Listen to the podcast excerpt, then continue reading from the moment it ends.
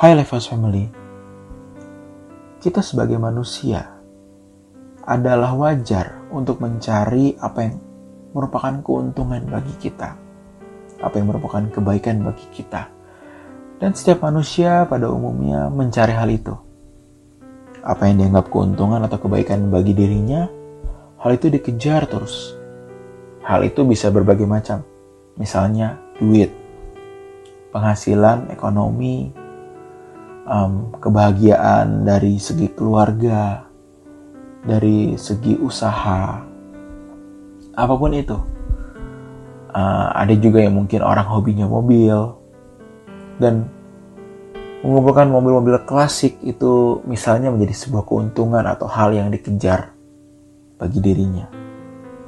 Nah, hal itu biasanya kita dapat dari kita kecil, dari yang keluarga kita ajarkan, dari teman-teman kita, dari lingkungan kita, atau juga bisa dari sosial media yang kita lihat setiap hari. Tentu itulah cara manusia hidup pada umumnya, dan itulah ya dan itulah yang dunia ajarkan. Tetapi kalau kita membaca Filipi 3 ayat yang ketujuh, di situ Paulus berkata, Tetapi apa yang dahulu merupakan keuntungan bagiku, sekarang kuanggap rugi karena Kristus. Sekali lagi, tetapi apa yang dahulu merupakan keuntungan bagiku, sekarang kuanggap rugi karena Kristus.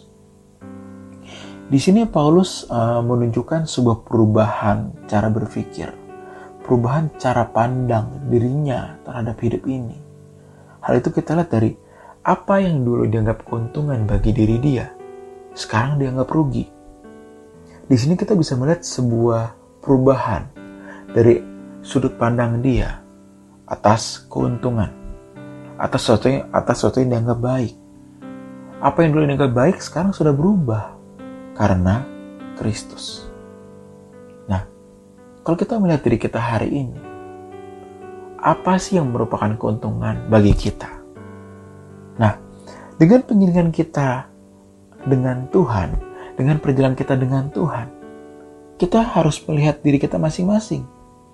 Semakin dalam atau semakin lama kita mengiringi Tuhan, kita coba melihat apa yang dulu kita lihat sebagai sebuah keuntungan, apakah hari ini masih menjadi sebuah keuntungan atau sudah menjadi suatu hal yang biasa saja. Dikatakan di sini dianggap kerugian adalah karena karena dengan memiliki Kristus itu sudah cukup bagiku. Nah, Paulus masih seperti itu. Karena dengan memiliki Kristus, hal itu sudah merupakan segalanya bagiku, begitu. Nah, kalau kita melihat diri kita hari ini, coba kita pikirkan apakah ada yang lebih menguntungkan bagi kita dibanding ketika kita memiliki Kristus? Hal itu dapat kita lihat dari misalkan hal paling simpel dari damai sejahtera kita. Kalau penghasilan kita berkurang, kalau duit kita hilang banyak, coba damai sejahtera kita berkurang tidak? Kenapa? Karena harusnya damai sejahtera itu harus kita gantungkan hanya kepada Kristus, tidak boleh dengan hal duniawi. Tentu dengan hal ini kita harus terus memeriksa diri kita setiap hari, setiap hari.